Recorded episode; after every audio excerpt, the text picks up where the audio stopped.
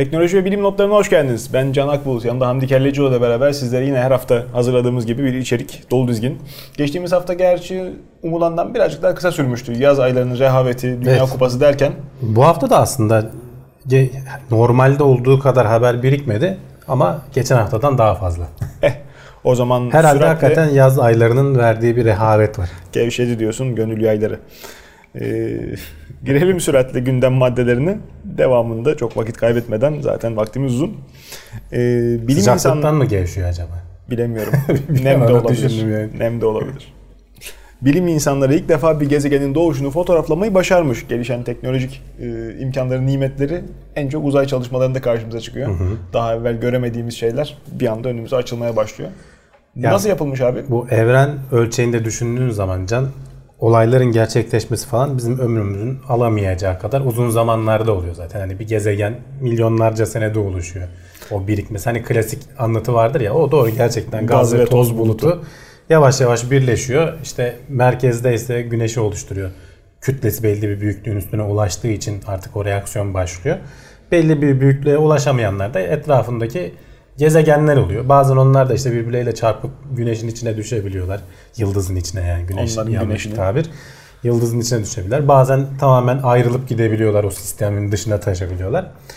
Ee, ya bunların teorik olarak böyle olduklarını biliyoruz ama e, doğrudan gözlemleme şansımız çok fazla olmuyor. Dediğim gibi çok uzun zamanlara ayrılıyor.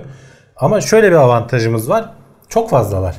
Evrenin her tarafında bu aşamanın belli bir alanını görebiliyorsun. Evet. Belli bir anını. Tabii işte görebiliyorsun orada anahtar kelime e, teknolojinin ona uygun olması lazım. Biraz da nereye bakacağını bilmek lazım. Nereye bakacağını bilmen lazım. Teknolojinin uygun olması lazım. Bir de şartların uygun olması lazım. Mesela yakınındaki yıldız eğer çok parlak olursa onun etrafında oluşmakta olan gezegeni göremiyorsun. Tabii. Çünkü ışığı onu engelliyor. Hani aynı bizim gündüz e, yıldızları göremememiz gibi. Güneş engellediği için göremiyoruz çünkü. Tabii. Burada da aynı durum söz konusu var ama bilim insanları işte bunların aşmanın çeşitli yöntemlerini bulmuşlar. Daha uygun, daha az ışıklı e, işte cüce, turuncu cüce mesela türünde bir yıldızı burada incelemişler. Ve etrafındaki gaz e, birikiminin belli yörüngelerde boşlukları olduğunu görüyorlar ve tahmin ediyorlar zaten buralarda gezegen oluşumları olduğunu, ön gezegen şeyleri. Ee, zaten neydi bunun Türkçesi? Ön gezegen birikim diski diyorlar onun etrafındaki şeye işte. Protoplanetary Accretion Disk diye bir işte yabancısı var. Onun e, orada bir gezegen olduğunu tahmin ediyorlar. İşte şimdi son yapılan ölçümlerle de yıldızın ışığını engelleyerek gezegeni doğrudan görmeyi başardılar. Hatta gezegenin e, yaydığı ışıktan biliyorsun o spektroskopi yöntemiyle ne ne elementler barındırıyor falan onları bile ölçebiliyorlar. İşte bu e, hafta bununla ilgili bir makale yayınlandı. İlk defa doğmakta olan bir gezegeni yani aslında biriken e, malzemeyi fotoğraflamayı başardık insanlık olarak. E, 370 ışık yılı ötedeki bir gezegen.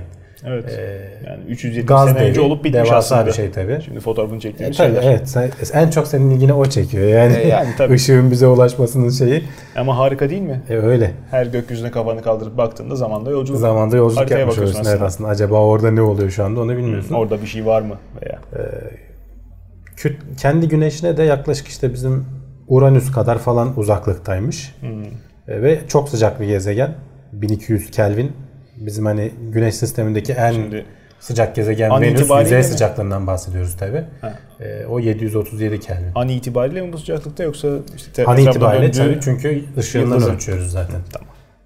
Şu anda türlü- hani ne olduğunu kendi güne, kendi yıldızına bizim güneşle Uranüs'ün arasındaki mesafe kadar mesafesi var mı? Ona rağmen 1200 Kelvin Tabii, tabii. sıcaklığından bahsediyorsan bir hayli şiddetli bir hararete maruz kalıyor mu yoksa kendi içine mi? Kendi içine miymiş demek ki.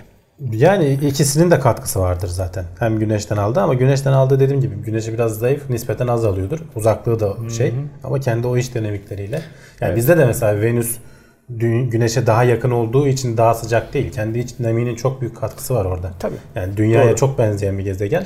Peki Biraz daha Merkür'den güneşe daha yakın. Şey olarak yüzey olarak Merkür belki gündüzleri daha ısınıyordur. Ee, Ya ortalama gece sıcaklık. gündüz şey çünkü atmosferi yok biliyorsun. Doğru. Ee, ama gece de çok soğuyor işte. Venüs'teki o sera etkisi sürekli her tarafı işte yaklaşık 400 derece küsür derecede tutabiliyor yani. Evet. O yüzden e, kendi gezegenimizin de Venüs'e benzememesi için gereken tedbirleri almaya çalışıyoruz. Birazdan haberi gelecek ama gereken tedbirleri yeterince iyi almıyoruz. Eh işte.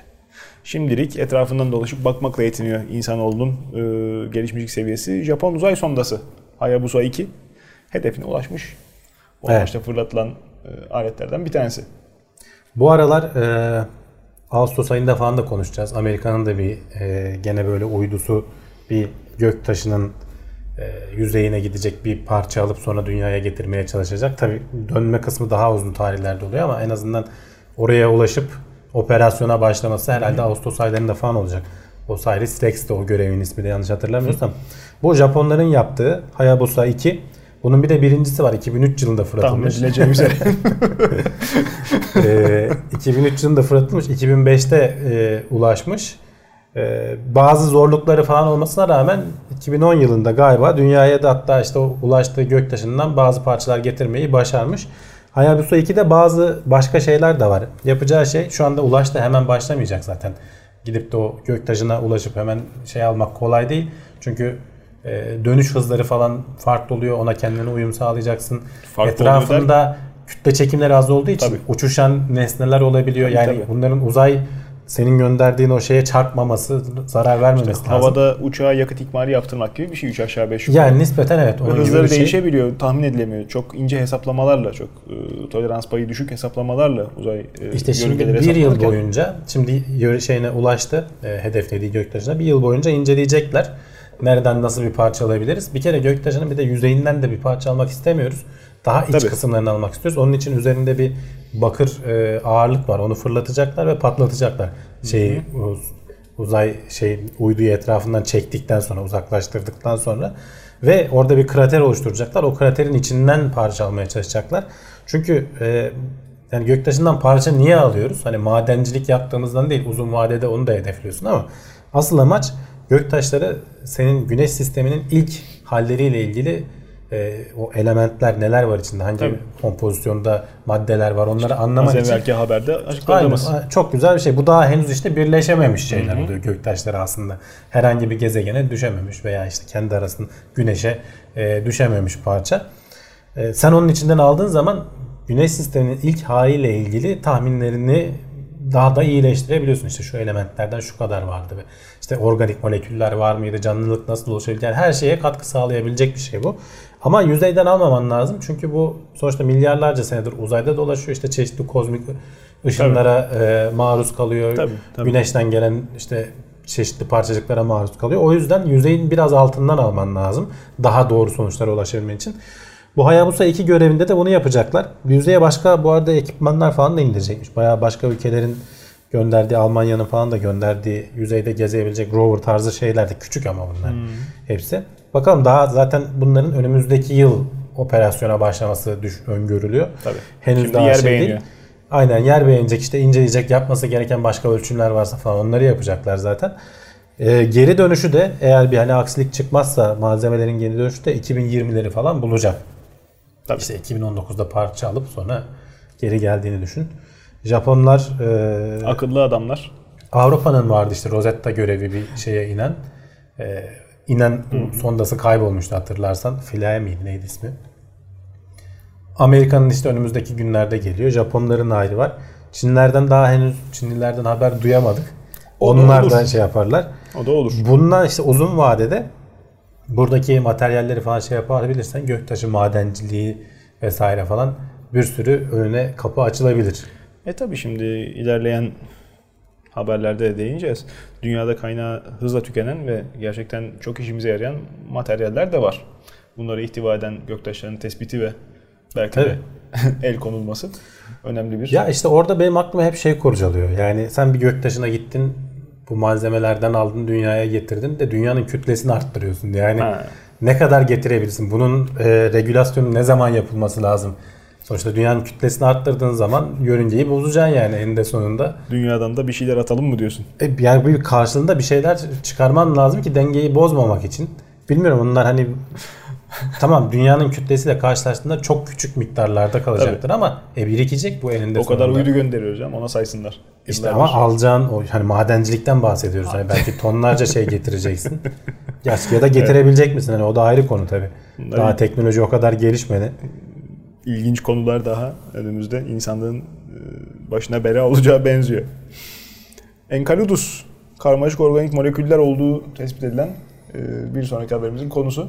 Bu Ne yapalım? E, Dünyanın işi cıvığı çıkarsa oraya mı kaçalım? Yok bu bizim şeyi e, ilgimizi şundan dolayı çekiyor. Canlılığın güneş sisteminde olması ihtimalin en yüksek olduğu yerlerden biri. Hep öyleydi. konuşuyoruz işte bu Cassini'nin Satürn'de görev yapan Cassini'nin hatta en son işte Satürn'e çakılarak yok edildi. Evet.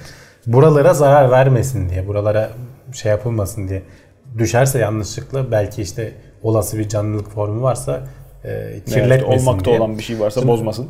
Ee, Enceladus yüzeyinin altında buz kütlesiyle kaplı. Altında sıvı ok- e, okyanus olduğu tahmin ediliyor ve işte e, Satürn'ün o gelgitlerinin falan da etkisiyle kendi içinden işte bizim o hidrotermal bacalar deniyor ya denizin altında e, güneşin almadığı yerlerde bir sürü bakteri popülasyonu var. Tamamen o bacalardan çıkan enerjiden besleniyorlar.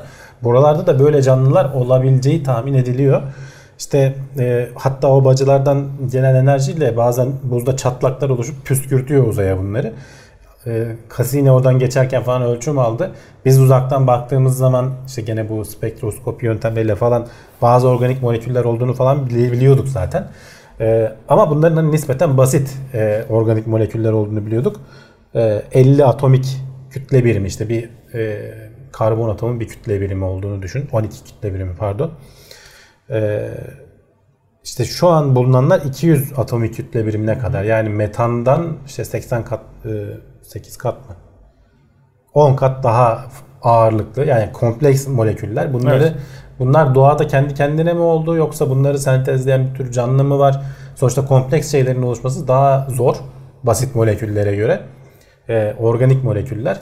İşte bu, bu ilgimizi çekiyor. Zaten muhtemelen planlanan başka görevler de var buraya. Önümüzdeki yıllarda sadece bunların ölçümünü yapabilecek e, yüz, gene uydu şeklinde olabilir. Çünkü o fışkırttığı şeylerden zaten bayağı alabiliyorsun aslında bilgiyi. Ya da daha da böyle fantastik görevler var. O buzun yüzeyine inelim, işte delerek e, altındaki okyanusa ulaşalım, ölçüm alalım falan gibi. Tabii onun nasıl yapılacağı falan ayrı bir dertli bir iş. Tekrar oraları kirletmeden falan ama Enceladus en ilgi çeken Başa bir yerlerden sürü- biri yani şu anda. Başa bir sürü bela demek aynı zamanda. Ya bela değil İnsanlığa sonuçta iş. e, Mühendislik açısından canım. yani hayır bir de şeyi bulma aç yani canlılık sadece dünyaya mı özgü De- değilse bu önemli bir buluş. Ha, ne olacak? Hayatımız bir anda değişmeyecek tabii ama sonuçta dünya dışında başka yerlerde canlının olma ihtimali Canım diyoruz şimdi- ki şu anda büyük ihtimal. Belki de Ama CRISPR var. O zaman elimizde şey olacak. Tabii. CRISPR'ı var yeni e, Ya tabii Tek- şimdi nasıl bir canlılık var? Bizdekine çok mu benzeyecek? var. Farklı farklı yollar mı olunmuş olacak? Tamamen farklı bir mekanizmalar Bakarsın- hayata geçiriyor. insanoğlunun radyasyona dayanıklılığı artar. Yani Elde edilen oradan elde edilen şey işte Ha, ne, neler önümüzdeki 30 bulabileceğini bilemiyorsun. Tabii. Ondan sonra nükleer santraller mikrodalga fırın ölçeğine kadar hayatımıza girer. İnsanoğlunun e, çok ciddi atılımların olduğu yüzyılı idrak ediyoruz. Ama tabii öncesindeki e, kadim sorular hala daha e, güncelliğini koruyor. Evrendeki maddenin kaynağı, ölçümü, madde mi, esir mi, antimadde mi, neler bunlar Yani şimdi hep şey tartışma söylüyoruz var. ya e, tam olarak bilemediğimiz şeyler var. Bir kere bizim bir kere %70 karanlık enerji diye bir şey var. Evrenin genişlemesini temel sağladığını iddia ettiğimiz. Astrolog gibi konuştun. Çakrada var mı? Bunlar öyle değil. Bunlar işte ayakları yere basan Peki. şeyler. Zaten şimdi bu haberin konusu da öyle. Nerede olduğunu bilemiyorsun ama teorik e, şeylere göre Tabii. bu kadar olmalı diyorsun. İşte bu karanlık dememizin sebebi de o. Kaynağını bilmiyoruz. Nerede olduğunu bilmiyoruz ama sonuçta bu genişlemenin olabilmesi için böyle bir enerjiye ihtiyaç var. O yüzden enerji. Ama bir yandan da işte şeylerin gök cisimlerinin bir arada durabilmesi için işte o gök adaların vesairenin galaksilerin falan bir arada dura bunların kümelerinin bir arada durabilmesi için de başka bir maddeye ihtiyaç var. Bizim gözlemlediğimiz madde bildiğimiz madde bizim işte hepimizin oluştuğu o baryonik madde denilen o protonların, nötronların olduğu madde bütün evrenin %5'ini oluşturuyor. Geri kalan işte %70 enerji dedik. %25 civarında bir şey var. Karanlık madde var. Onun da tam olarak ne olduğunu bilmiyoruz. Ne yerlerini falan bile doğru düzgün bilmiyoruz. Tespit edemiyoruz. Ama evet. kabaca kütle çekimi etkilerinden vesaire falan bir fikrimiz var. Yani tamamen öyle çakra falan gibi hani Tabii tabii. Ölçüme dayanmayan şeyler değil. İşin esprisi Şimdi işte. Bak, bu %5'in sabitler bunlar. Denklem Tabii işte denklemlerden çıkıyor sonra bulmaya çalışıyorsun. Şimdi bu %5'in de işte gök cisimlerinde olduğunu biliyorsun. Güneşte Hı-hı. işte bilmem ne de vesaire galaksilerde o toz bulutlarında. Ama işte bu %5'in hepsini bilmiyorduk. Bunun da işte %70 civarını falan tahmin ediyorduk nerede olduğu. İşte bu gezegenler arası soğuk gaz bulutları. Bunları gözlemleyebiliyorsun. İşte ılık gaz bulutları var bir de sıcak olanları var. Sıcaklarda madde iyonlaştığı için hmm. senin gözlemlemene imkan vermiyor. Bir de galaksilerin arasında olduğu için ve çok dağınık durumda durdukları için Tabii. gözleyemiyorsun. Şimdi bu son araştırmada bilim insanları e, evrendeki başka güçlü ışık kaynaklarını arka fon olarak kullanarak bunların içinden geçen şeyleri ölçmüşler ve e, iyonize oksijen bulmayı başarabilmişler. Hidrojeni ölçemiyorsun gene dediğim gibi şey yaymıyor. Senin ölçümlerine yönelik bir şey yaymıyor. Ve büyük oranda da hidrojenden oluşuyorlar. Evet. Ama işte diğer elementler de var. Ee, oksijen bir miktar e, yükü olduğu için sonuçta arka plandan gelen o ışığı değiştirip sana ulaşan şeyi ölçte, ölçebilir hale geliyorsun. Ve tam olarak da senin teorilerde tahmin ettiğin miktarlarda bulabiliyorsun. Ve senin teorini bir nebze doğrulamış oluyorsun aslında. Dolayısıyla işte o %5'lik maddenin e, bir kısmının önemli bir kısmının nerede olduğunu şimdiye kadar kesin emin değildik. Şimdi biraz daha emin olmuş olduk. En azından hani bizi oluşturan, elementleri oluşturan maddelerin nerede olduğunu evrende. Ha bunu bir yandan destekleyen şey de var tabi. Ne kadar madde olması gerektiğini nereden biliyorsun? Mesela e, kozmik arka plan ışınımı diye bir şey var. Büyük patlamanın günümüze kalan e, ayrıntılarını bütün evrende e, ölçebiliyorsun. Arka Doğru. plan gürültüsü şeklinde. Hı hı. E, bunun, onun birikimleri dağılımına falan bakarak sen e, ne kadar madde olması gerektiğini de tahmin edebiliyorsun. İşte o tahminlerle gözlemlerimiz uyuşmuyordu. Şimdi gözlemlerimiz de o tahminlere uyar, uyar hale geldiler. E, bu işte son araştırmalar sayesinde en azından işte dediğim gibi o %5'lik maddenin tam olarak nerelerde nasıl şekilde dağılmış olduğunu daha iyi biliyoruz artık. Geri kalan %95'i ile ilgili çok ciddi soru işaretleri devam ediyor. E Bilimsel karanlık yöntem madde ve karanlık enerji bilinmiyor. Bilimsel yöntem son yıllarda saygının azaldığı maalesef e, bir başlık. E, bir şeyleri bol keseden konuşmak veya işte e, sallamakla gerçek manada ayağı yere basan bilimsel bulgu halinde sunmanın arasındaki fark bu yöntem, bu yöntemin takibi işte e, yapılan araştırmalardaki titizlik. Ama can insanlar işte... bir şeylerin olduğunu iddia ediyorlar. E, şöyledir böyledir diyorlar ama sonra tembellik edip bu alanda hiç çalışmadıkları için iddiaları işte bu meselelere ciddi para kaynağı devam ve ediyor. ciddi insan ve zaman tabii harcamak tabii, gerekiyor. Tabii, tabii. O yüzden zor olduğu tabii. için e, hakikaten de kafa patlatman gerekiyor. Öyle. Yani ben şeyi bile Maalesef. daha tam anlamıyla anlamamışım. Mesela baryonik madde diyoruz ya. E, tabii. Bu parçacık fiziğinde işte çeşitli bir sınıflandırmalar var. İşte baryonlar var, leptonlar var, başka türlü farklı şeyler var. En son işte bunların dahil oldu. İşte proton birkaç tane farklı sınıflandırmaya falan şey olabiliyor. Bir türlü aklın almıyor bu işlerle uğraşmıyorsan. Ee, öğreniyorsun sonra unutuyorsun günlük hayatında çünkü ihtiyacın Tabii. olmadığı için. Bunlar çok şey bilgiler. Bu yüzden kolay gelmiyor. İnsanlar şey hoşuna gidiyor. Böyle işte çakraymış falan gibi daha anlayabileceğin bir şeyler söylediği zaman ve karşıdaki kişi sana bunu söylerken biraz da böyle ayağı yere basıyormuş hissini hmm. oluşturabilecek bazı temel kavramlar içine kuantum, kuantum falan gibi kelimeler katıyorsa e, inanıp gidiyorsun. Bir de para ödediysen. Para ödediysen zaten. istemesen de inanıyorsun. Boşa gitmesin o para psikolojisiyle. Tabii. Aa para psikoloji oldu. Başlarda söyledik gezegenimize iyi bakmıyoruz. Ee, bir takım tedbirler almak lazım. Ee, tropikal ormanlardaki azalma son iki yıldır rekor seviyelere ulaşmış. Evet. Bir sonraki haberimizin konusu bu. Ya ee, son 15 yıldır yangınlar. özellikle ciddi anlamda azalıyor.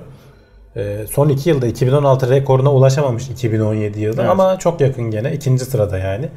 Son 2 yıldır tabi buna sadece hani biz kendimizden kaynaklanan şeyler değil. Ee, orman yangınları işte tropikal fırtınalar yani mesela Dominika Adası diye bir yer var. Bu Dominik Cumhuriyeti'ne yakın adalardan biri. Orada bir sürü ada devletleri var. Ee, %30'u gitmiş ormanlarının bir fırtınadan. Yani düşünsene yıkıp geçiyor. Tabii canım. Sonra tekrar o ağaçların oluşması vesairesi falan. Ha şöyle bir şey var tabi. Tamam bu fırtınalar mesela ya- yangınlar falan doğal diyorsun ama biraz da senin iklimi bozmandan bunların e, şiddeti artıyor aslında. Hem iklimi bozmaktan şiddet artıyor hem de yani doğal akışında olduğunda her şey e, olması gereken düzende seyrediyorken böyle bir fırtına geldiğinde onu oluşturacağı yıkımın biz çok daha fazlasını zaten sanayileşmeyle verdiğimiz için bir de üstüne o eklendiğinde telafi Ya edilemeyecek işte zarara En dönüşüyor. büyük şey e, tarım ve hayvancılık aslında. Onlar için alan açman gerekiyor. Evet. Ve işte Brezilya çok uzun zamandır biliyorsun hani Amazon ormanlarının falan büyük kısmı onların topraklarında çok büyük zamandır birinciliği kimseye kaptırmıyor. Gene kaptırmamışlar. Ve en yakın rakibine 3 kat falan fark atıyor. yani Onlarda esas orman alanı sıkıntı- yok olması. akaryakıt. Şimdi Brezilya e, her ne kadar Petrobras olsa da çok e, şey kadar Orta Doğu kadar e, petrol zengini değil. E, petrolle beraber maalesef e, biyoetanol de kullanıyorlar. Biyoetanol de kanola bitkisinin yağından elde ediliyor. Tarlalara yapılan ekimle. E şimdi verimli tarım arazisini e, kanolaya ayırdıkları zaman millet taş mı yesin? Tarım Mevcut- arazisi yaratıyor Ha, diyorsun. mevcut yani. tarlaların e, korunması adına maalesef ormanlardan yiyorlar. Orangutanın rızkına e, kanola ekerek Ya tabii işte her yerde sonuçta mesela rekabetçi olmaya çalışıyorlar. Brezilya birinci sırada, ikinci sırada Demokratik Kongo Cumhuriyeti. Yani o da Afrika'da e, Evet. kendi ormanlarını yok ediyor. Bir yandan Endonezya e, çok ciddi anlamda işte Asya yani nereye bakarsan insanlığın aslında hani burada tek bir devleti sorumlu tutamazsın. Her yerde özellikle de E tabii canım, şimdi- gelişme hırsı olan ülkelerde E, bu programı yapıyoruz. Bizim de bütün dekorumuz ahşap. Şimdi baktığında. Ya tabii tabii. Ama işte bunlar nispeten şey olarak küçük kalıyorlar diyorum ya. Asıl büyük şey e, hayvancılık için büyük alan gerektiren şeyler Tabii, tabii, aslında. Yani tabii. hayvancılık ve tarım için Tabii. şey. Tabii bir yandan kağıt tüketimi Başat aktörün insan olduğunu şey vurgulamak öyle- için söyledim ben. Tabii tabii yok yani sonuçta. Kaldı ki diyorum ya dolaylı etkimizden dolayı da çok ciddi işte bu. Öyle, İklimi bozduğun için sen e, işte fırtınalar şiddetleniyor. Daha çok ağaç gidiyor. Yangınlar çıkıyor. Yani yazın daha sıcak oluyor. Kışın daha soğuk oluyor falan. Saçma sapan bir şey oluyor aslında. Kaldı ki bir yandan da işte bu iklimi düzeltecek. Bu da bir kısır döngü. Yani sen ne kadar ağacı azaltırsan iklimden çekeceğin o karbondioksiti de azaltmış oluyorsun. Hani tamam okyanuslar çok büyük oranda atmosferdeki karbondioksiti bağlıyor. İşte o plankton dediğimiz ve işte okyanusun yüzey alanını düşün devasa. Tabii canım. Ama ormanlar da çok önemli sonuçta. Tabii. Ee, 2030'lara kadar falan hani hesaplanan %23'ünü mü ne işte Ormanlardaki canlı çeşitliliği de karbondioksiti e, emebileceği tahmin ediliyor. E sen onları azaltıyorsun. Canlı çeşitliliği zaten ayrı bir konu tamamen. yani o da önemli ayrıca. Buna dikkat çektikten sonra bu sefer uzmanların bir hatırlatmasıyla devam edelim sıradaki habere geçerek. E, doğalgaz çıkarılması esnasında oluşan sızıntılar Ve başımıza bela olabilirmiş. İşte bak mesela hiç düşünmediğin alanlarda yaptığın faaliyetler etki edebiliyor. Şimdi mesela doğal gaz kullandığın zaman atıyorum özellikle termik santrallerde kömürden 80 kat daha mı ne az e, karbondioksit üretiyorsun. Evet. Çok daha şey e, temiz bir şey. E, Görüntüde. ama işte hay görüntüde değil gerçekten de yakarken öyle. Ama bir yandan da üretirken e, ister istemez bazı sızıntılar oluyor. Hele özellikle bu Amerika'da şimdi falan çok yaygınlaştı. Kaya gazında ç- alabilme teknikleri. İşte kaya gazı da doğalgaz aslında. Doğalgaz tabii ama daha işte böyle Bulun- belli bir yerde durmuyor. Şey kolay. Herhalde daha kayaların arasında sıkışmış bir şekilde duruyor. Onları alabilme teknikleri geliştirildi ve e, makul fiyatlara düştüler artık. Hani oradan ettiğin, elde ettiğin gazı piyasaya satabiliyorsun. E, dolayısıyla hatta Amerika artık kendi kendine yetebilir hale geldi. Dışarıya bile satabilir durumda olduğunu iddia Evet. ediyorlar. Ama işte bunları alırken atmosfere normal yolda diğer işte Orta Doğu'da gaz çıkarırken de e, elde ettiğin gazın bir miktarı atmosfere yayılıyor. Ama işte bu öteki daha fazla işte %2.3 e, civarında bir gazın atmosfere gittiği ve bu yanmamış. Sorun orada zaten. Metan gazı en etkili sera gazı. Yani karbondioksite göre pardon 80 onun rakamıydı.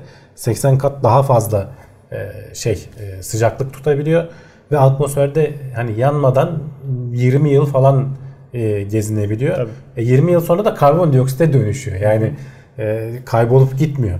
Yani bu kaçak gaz %2.3'lük gaz belki senin e, gerçi onun da hesabını yapmışlar. Eğer %4'e falan ulaşırsa diyor e, termik santraller daha makul hale gelecek diyor. Tabii. Çevreyi kirletme Kömür açısından. daha iyi tabii.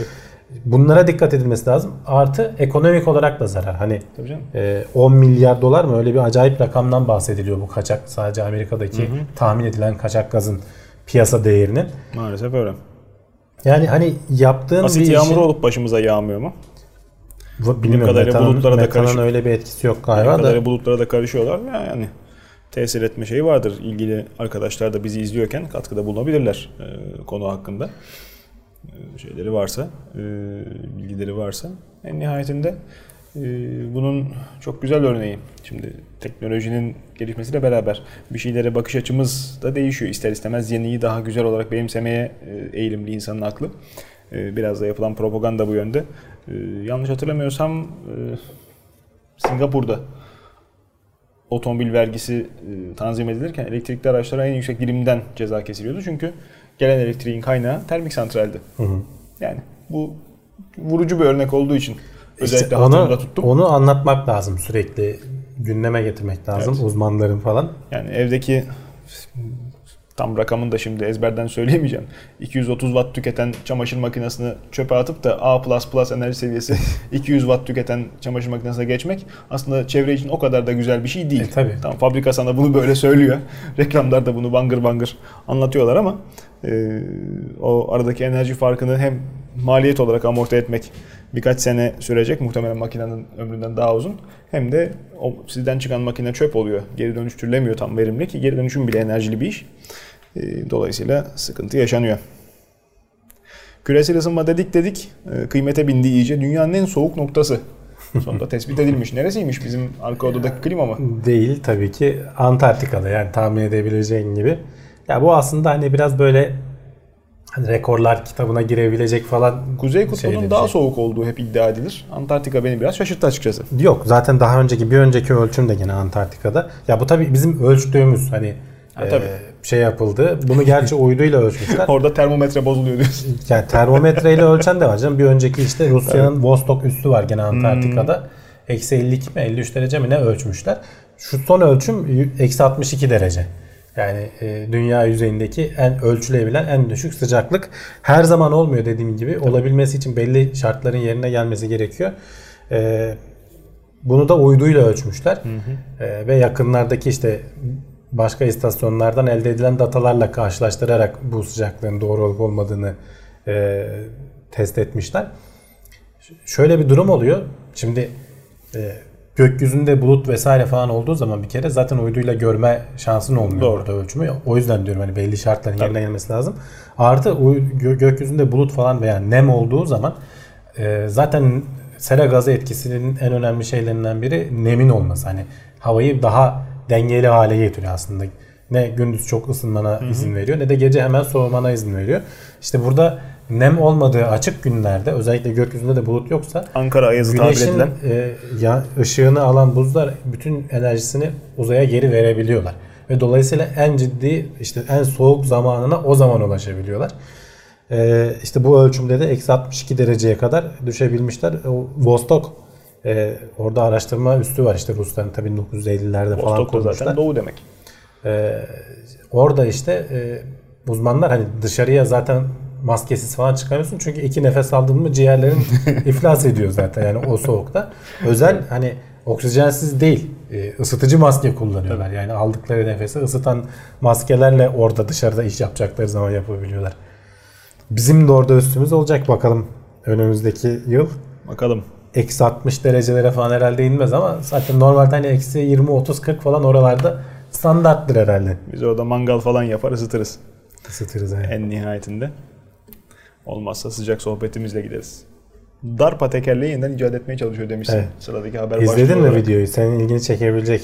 Evet. e, Ya tabii ki normal arabalarda kullanılacak bir tekerlek değil. Askeri araçlarda her türlü ortama uymak için tasarlanan bir şey. uymaz işte. Ben şimdi bildiğim kadarıyla e, muhalefetimi yapayım. Ondan Yap. sonrasında adamların Bir kere ne olduğunu hani ekrana görüntüler girer de zaten. söyleyelim. Bir kere tekerlek şimdi Tekerleğin normal arazi palet tekerleği var. diyelim. Dönen bir şey. Evet. Ee, bildiğimiz tekerlek Aha. ama o her arazide gitmiyor işte mesela. O yüzden tanklarda palet oluyor mesela. Ama onun da E, başka dezavantajları Doğru. var. Burada ikisini birleştirmişler. Alet biraz robotik bir şey. Hem İşte. palet haline geliyor hem e, tekerlek olarak dönebiliyor. Veya bir başka deyişle ne tekerlek gibi dönebiliyor ne palet haline ya gelebiliyor. da evet. Şimdi otomobillerde e, uzun zamandır kullanıla gelen standart 100 yıl oldu galiba. E, pneumatik havalı sistem. E, havalı lastiğin avantajı aracın yük durumuna göre ki havalı lastiğin patlaması zaten en büyük dezavantaj. E, istem dışı hava kaçırması. Bu yüzden bununla savaşmak için tonla e, teknoloji fikri ortaya atıldı ama hiçbiri tutulamadı. Çünkü en başat avantajına hiçbiri erişemiyor. Yük durumuna göre değişen basınç. Şimdi siz arabayı alıyorsunuz veya işte kamyonu alıyorsunuz. Neyse arazi aracını alıyorsunuz. Asfalt üzerinde boşken tekerlekleri ne kadar ezmesi gerektiğine karar veriyorsunuz mühendisler olarak. Uygun lastik basıncı lastik ölçüsüne göre tayin ediliyor. Yola çıkıyor araba. Hop üzerine 500 kilo yük bindi. Ne olacak? Hem de o 500 kilo yük ön lastiklere değil arka lastiklere bindi. Yani arka lastikler ezildi. Yuvarlanma dairesi küçüldü. Sürtünmesi arttı. Şişirecek. ısınıyorlar. Şişireceksin. E, elastik Michelin'in Tweel konsepti vardı. Yakın zamanda çıkarttılar. Gösteriler piyasaya çıkmadı. Forkliftlerde kullanıyor sadece. Patlamayan lastik güya ama işte onun sertliğini değiştiremiyorsun. Artı 500 kilo yüke göre hemen çıkartıp tekerlekleri mi değiştireceksin? Mümkün değil. O yüzden e, pneumatik lastikler daha uzun yıllar hayatımızda olmaya devam edecek. Esas bu sistemin avantajı zaten e, demonstrasyon aracı da Hummer ama tabii o tekerlek ünitesinin e, yerine oturtulabilsin diye bu yeni sistem e, çamurluklardan bir hayli dışarı çıkmış. Hummer zaten 2,5 metre genişliği olan bir taşıt. Bir de bunlarla beraber hangi yolda gezecek merak ediyorum. E, Ya o senin dediğin ama bak bu şey için geçerli değil. O ezilmesi vesairesi falan. Bunun da sonuçta o mekanik sistem olduğu için bir şekilde ayarlarsın istediğini. Sorun şurada. İşi karmaşıklaştırıyorsun. Ha, azıcık müsaade. Hammer'ın alameti farikası e, arazi yeteneklerinde e, asıl anahtarı CTIS sistemi. Central Tire Inflation System. Her teker, daha doğrusu dört tekerleğini birden her tekerleğin ayrı değil. Söndürüp şişirir Hammer. Tek merkezdeki kumandayla. Bizim askeri araçlarda da kullanıyor. Kobralar da Hammer bazlı. Onların üzerinde de şu anda kullanılan sistem. Hammer asfaltta giderken çöle çıkılacağı zaman kum gevşek arazide veya karda e, kar dediğim tabii puf kar. Bizim normal yollardaki buz değil. Sönük lastik daha iyi kavrar. Hele ki arazi lastikleri otomobil binek lastiği de değil. Lastiği söndürmeye söndürürsün de ondan sonra dört lastiği çöl sıcağında neyle şişireceksin? Askerlerin beyninde boza pişmesin diye çeviriyorsun mandalı hop tekerlekler tekrar şişiyor yola çıkacağı zaman. Bu sistemi işte tekrar mekanik bileşenlerle yapmaya çalışmışlar. Ee, bir farklı örneğini daha vereyim. Askeri kamyonlarda dikkat et bak. Bütün e, ticari tırlarda, kamyonlarda arkalarda çifter teker olur. Yükü daha iyi dağıtsın diye arka lastikler çifttir. Askeri kamyonlarda niye tektir? Dikkat etmiş miydin buna? Yok işte. Askeri kamyonlarda işte 3 dingili ise 6 tekerlek vardır. Akslarda çift tekerlek asla kullanılmaz. Çünkü yolda giderken, daha doğrusu yolda gitmiyorken, arazi şartlarında gidiyorken o iki lastiğin arasına taş girer, dönerken sıkıştırır, patlatır. O riski almamak için adamlar tek tekerleği olabildiğince basit çözüme dönüyorlar. Bu şeyin arasına çakıl taşı girdiğini düşünsene. Ya işte onları düşünmüşlerdir herhalde diye düşünüyorum ben. Yani çünkü diyorum ya bende de hani askeri olayın meselesi şeydir. Basit olsun ki savaş anında bir de bununla uğraşmayalım. Yani Evet, başına evet. bir iş geldiği zaman e, çünkü orada lastikle bilmem neyle uğraşamazsın. E, o aracın çalışmaz hale gelmesini de göze alamazsın. Maliyeti bir kenara atarsak şimdi bu hamurları... Maliyeti de daha da fazla işin şey yanı. Çünkü sonuçta bir sürü robotik bir şey Tabii. kullanıyorsun içinde. Ona hiç girme. Maliyetteki tamam normal lastikten daha ucuz oldu bu. Ee, Esas, esas problem, e, asıl problem arazi araçlarında da normal arabalarda da unsprung weight yani askılanmamış ağırlık Türkçesi. Süspansiyon sistemi tarafından taşınmayan süspansiyonun kendi ağırlığı ve tekerleğin. Arabalarda hafif alaşım jant kullanılır. Alüminyum jant denir ya hani. Esprisi onun. Hafif alaşım ne kadar hafif olursa dönme momenti işte tekerleğin e, dönen kütlesi azalır. Araba daha rahat hareket eder, daha çabuk hızlanır, daha kolay durur, daha az yakıt tüketir ve süspansiyon daha kolay çalışır, daha zor bozulur. Şimdi bu şey arabanın kendi tekerleği askeri aracın tekerleği 100 kiloyken 400 kilo Evet. olursa hangi materyalle gövdeye tutturacaklar, nasıl bağlanacak? Yani şov amaçlı güzel bir şey ama unutulacak konseptler arasında diyorum ben şansım adına. Bakacağız ileride görürüz. İleride görürüz veya görmeyiz. Benzer çünkü çok konsept yapıldı, çok fuarda tanıtıldı. İlgi çekiyorlar çekmesine ama maalesef hayatımıza giremiyorlar. Az önce bahsettiğim sebepten. Belki çok spesifik alanlarda, işte demin e, verdiğim forklift örneği gibi Hı. özel taşıtlarda kullanılır. Ama e, yaygın standart olmayacak diyorum ben. Aynı doktora gitmek ölüm oranını düşürüyormuş. Ee, Uzun Aile süreler hekimlerine boyunca. Evet yani selam çaktığımız Bizdeki- haberimiz olsun sıradaki Evet, haber. bizdeki sistem hani aile hekimliği veya işte önleyici hekimlik diye de geçiyor aslında bir yerden bir yerden bir yerde.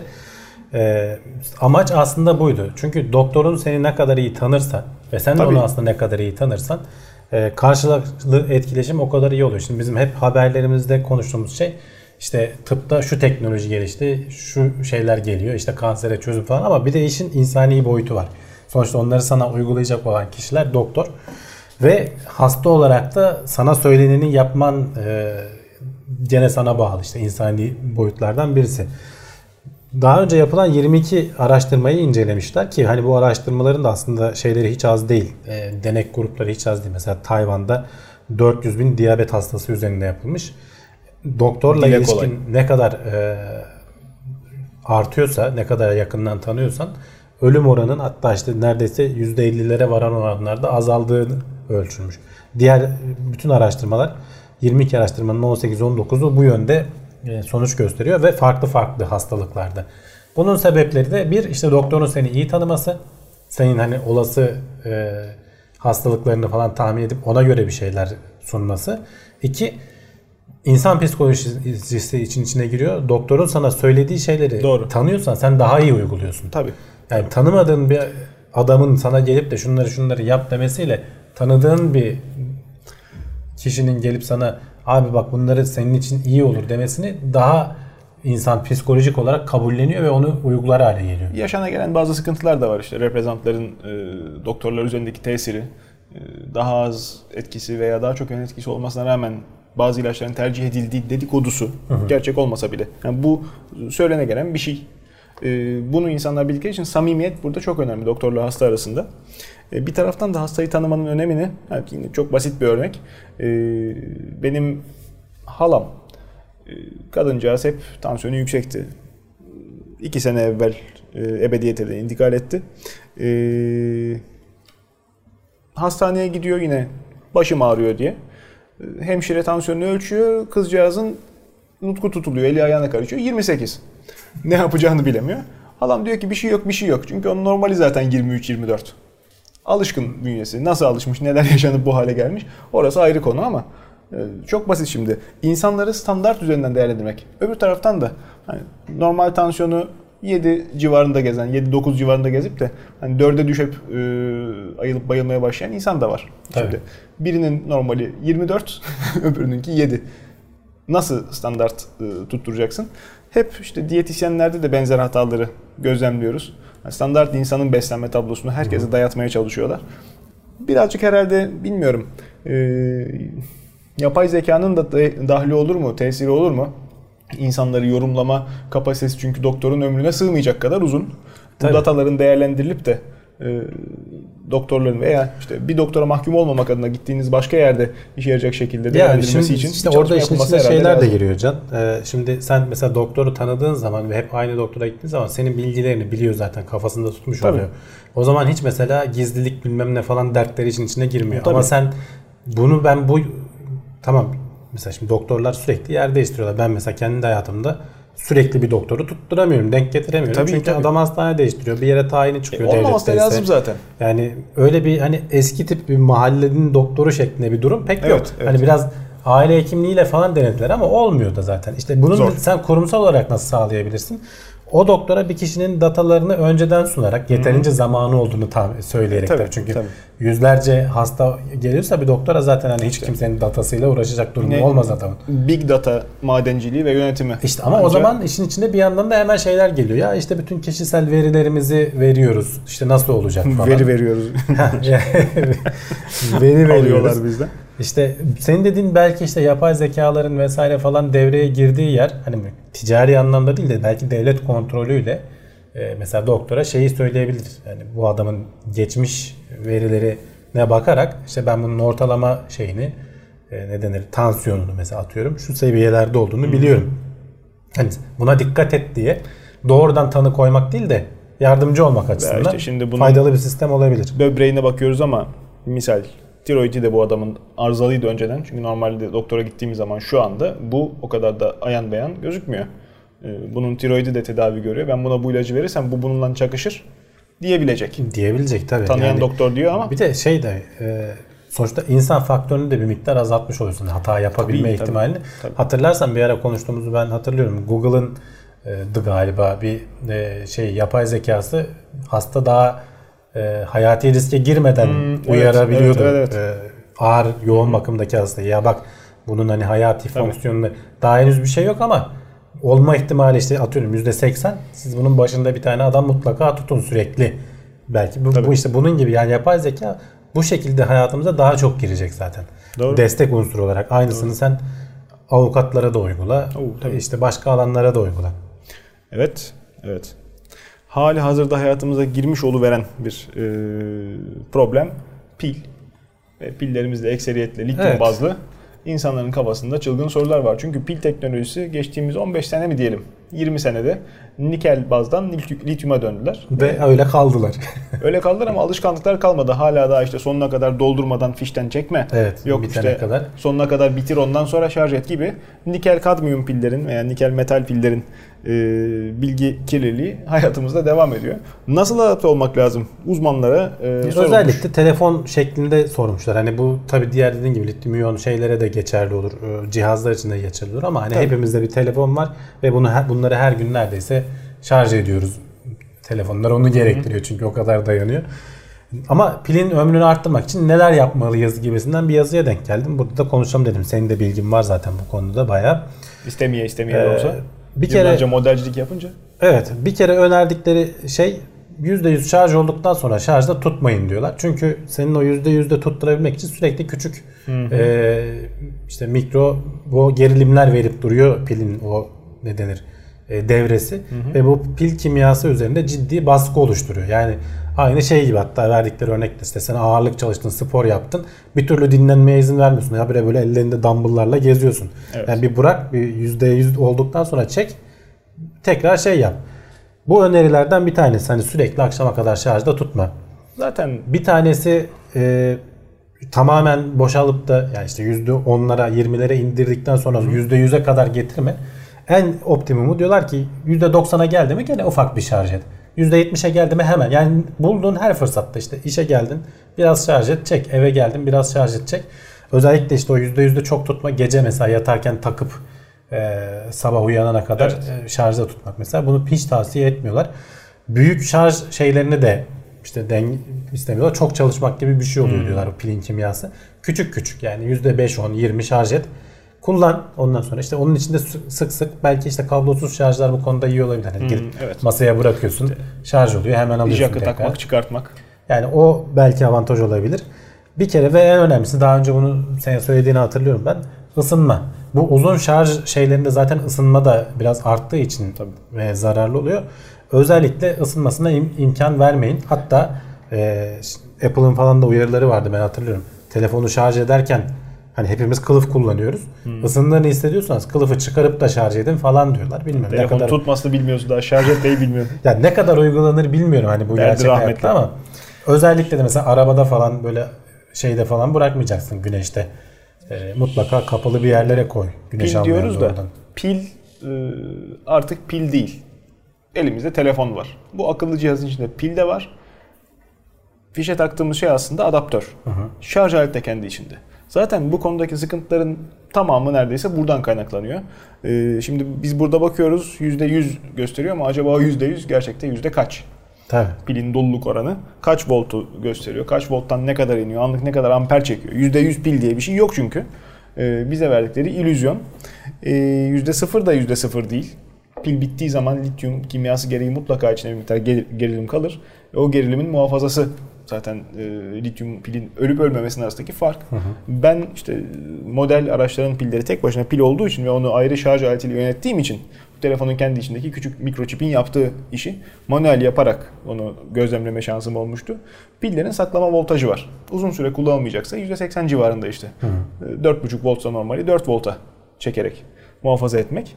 Ee, en makul saklama çözümüydü. Ötesinde de e, bu aletlerin dediğin gibi uzun süreli hele ki sonuna kadar bittikten sonra tam amper verilerek şarj edilmesi en büyük zarar. Oradaki püf noktası o. Hı hı. Taktığımız şarj aletlerinin çoğu zaman amperi aynı. Yani şöyle bir şey diyebilirim. Gerçekten çok artık kıymetli işte bu şeylere 7 bin lira falan verebiliyorsunuz telefon diye. Ee, öyle bir şey alıp da bunu ben gözüm gibi saklayayım e, pil kondisyonu çok uzun kalsın diyeceklerse e, pil bir şekilde sonuna kadar bitmeye yaklaştıysa aleti bilgisayarın USB'sinden şarj etmeye başlayın. Hmm. Onlar 0.6 amper mi veriyordu? 0.5 galiba. Evet. Şarj aletleri 1-1.5 amperi dayıyı veriyor. Tabii. E, onu da kesmiyor işte zıkkım. İşte bir de şimdi son zamanlarda şey çıktı bu quick şarj, hızlı şarj Tabii. özellikleri falan. Onlar Tabii. mesela bayağı pilin kimyasını aslında yük bindiren şeyler. Öyle. Tamam hızlı şarj oluyorsun 15 dakikada dolduruyor senin Şimdi, pilini ama. Bu abi ne güzel söylemiş. Yani küçük küçük şarj edin sürekli şarj edin de günlük hayata koyduğun zaman o imkansız. Tabii. Kimsenin yapamayacağı bir şey. Yanında ya sürekli power bank gezdireceksin. Onu da küçük küçük ya şarj edeceksin. O kadar da takılmayacaksın zaten canım yani. pil pil kuyruğuna pil şarj etme sonra buharlı sisteme dönersin tekrar ankesörlü telefonla. Yani e, bir de küçük dinamo taşırsın. Arada işte, pedal çevirirsin. falan fani dünya. O tip şeylerle hayatımızı işkenceye çevirmeden e, yapılacak tek belki elle tutulur nüans. O pil sonuna kadar bittiği zaman hızlı şarj etmemek.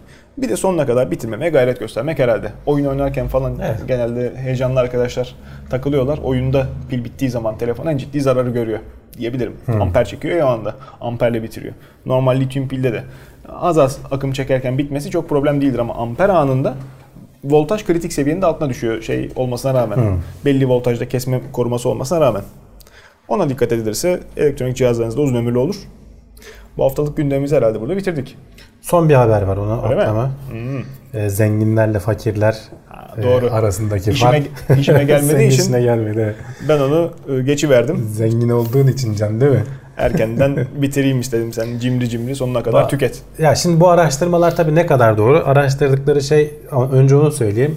Zenginler fakirlere göre daha cimri davranıyorlarmış. Ama nerede? Şimdi bunları sen gerçek hayatta tabii ölçemediğin için belli ortamlar oluşturuyorsun. Ben şu soruyu sorsam mı acaba? Eminim başkalarının da aklında vardır. Zenginler cimri oldukları için mi zengin? Evet. Fakirler cömert olduğu için fakir?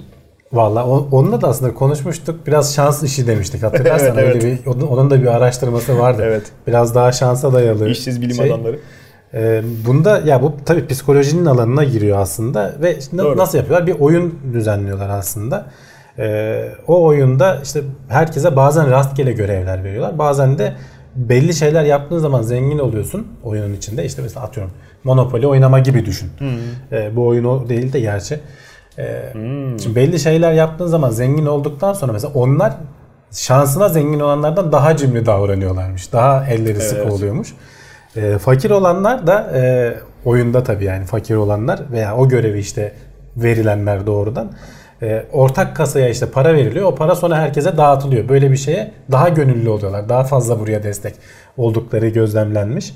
Buna bir benzeri araştırma gene şey vardı. Bu haberde yok ama benim aklımda kalan. E, zenginle gene monopoli üzerinde yapılan bir psikolojik deneydi. Zenginleştikçe hile yapma ihtimalin artıyordu. Yani insanlar e, herhalde bir şey psikolojisi var. Benim yaptığım şeyler doğrudur e, bilinçaltından öyle bir şey oluşuyor herhalde. Olabilir. Yani hayat bana sonuçta bu şeyi verdi. Seçilmiş kişi. E, ha, seçilmiş kişi sendromuna kapılıyorsun ve yaptığın şeyler ve onu devam ettirebilmek için de daha çok böyle hilelere yönelebiliyorsun. Tabii ki bu herkes için böyle olacak demek değil. Bir de dediğim gibi bunlar sonuçta kontrollü şeyler ama insan psikolojisini anlamak açısından Doğru. ilginç deneyler. Sorunu çözersek, e, sorunu anlarsak çözme ihtimalimiz biraz daha yükselir. Evet diyerek böylece bitirmiş olduk. Çok gereksiz bir toplumsal mesajlar vermiş olduk. Bilim adamları monopoli oynayacak fırsat kolluyorlar. Siz de tatildeyseniz tatilinizi güzel değerlendirin umarım. Ee, çalışıyorsanız da e, işbaşı yapmadan evvel bizimle geçirdiğiniz vaktiniz için teşekkür ederiz. İlerleyen bölümlerimizde yine, e, bölümlerimizde yine sizlerle birlikte olmaya, fikirlerimizi paylaşmaya çalışacağız. Siz de e, lütfedip yorum kısmına e, konuyla alakalı kanaatlerinizi veya ekleme yapmak istediğiniz e, mesajlarınızı yazarsanız ziyadesiyle makbule geçecek. Şimdilik hoşçakalın. İyi seyirler.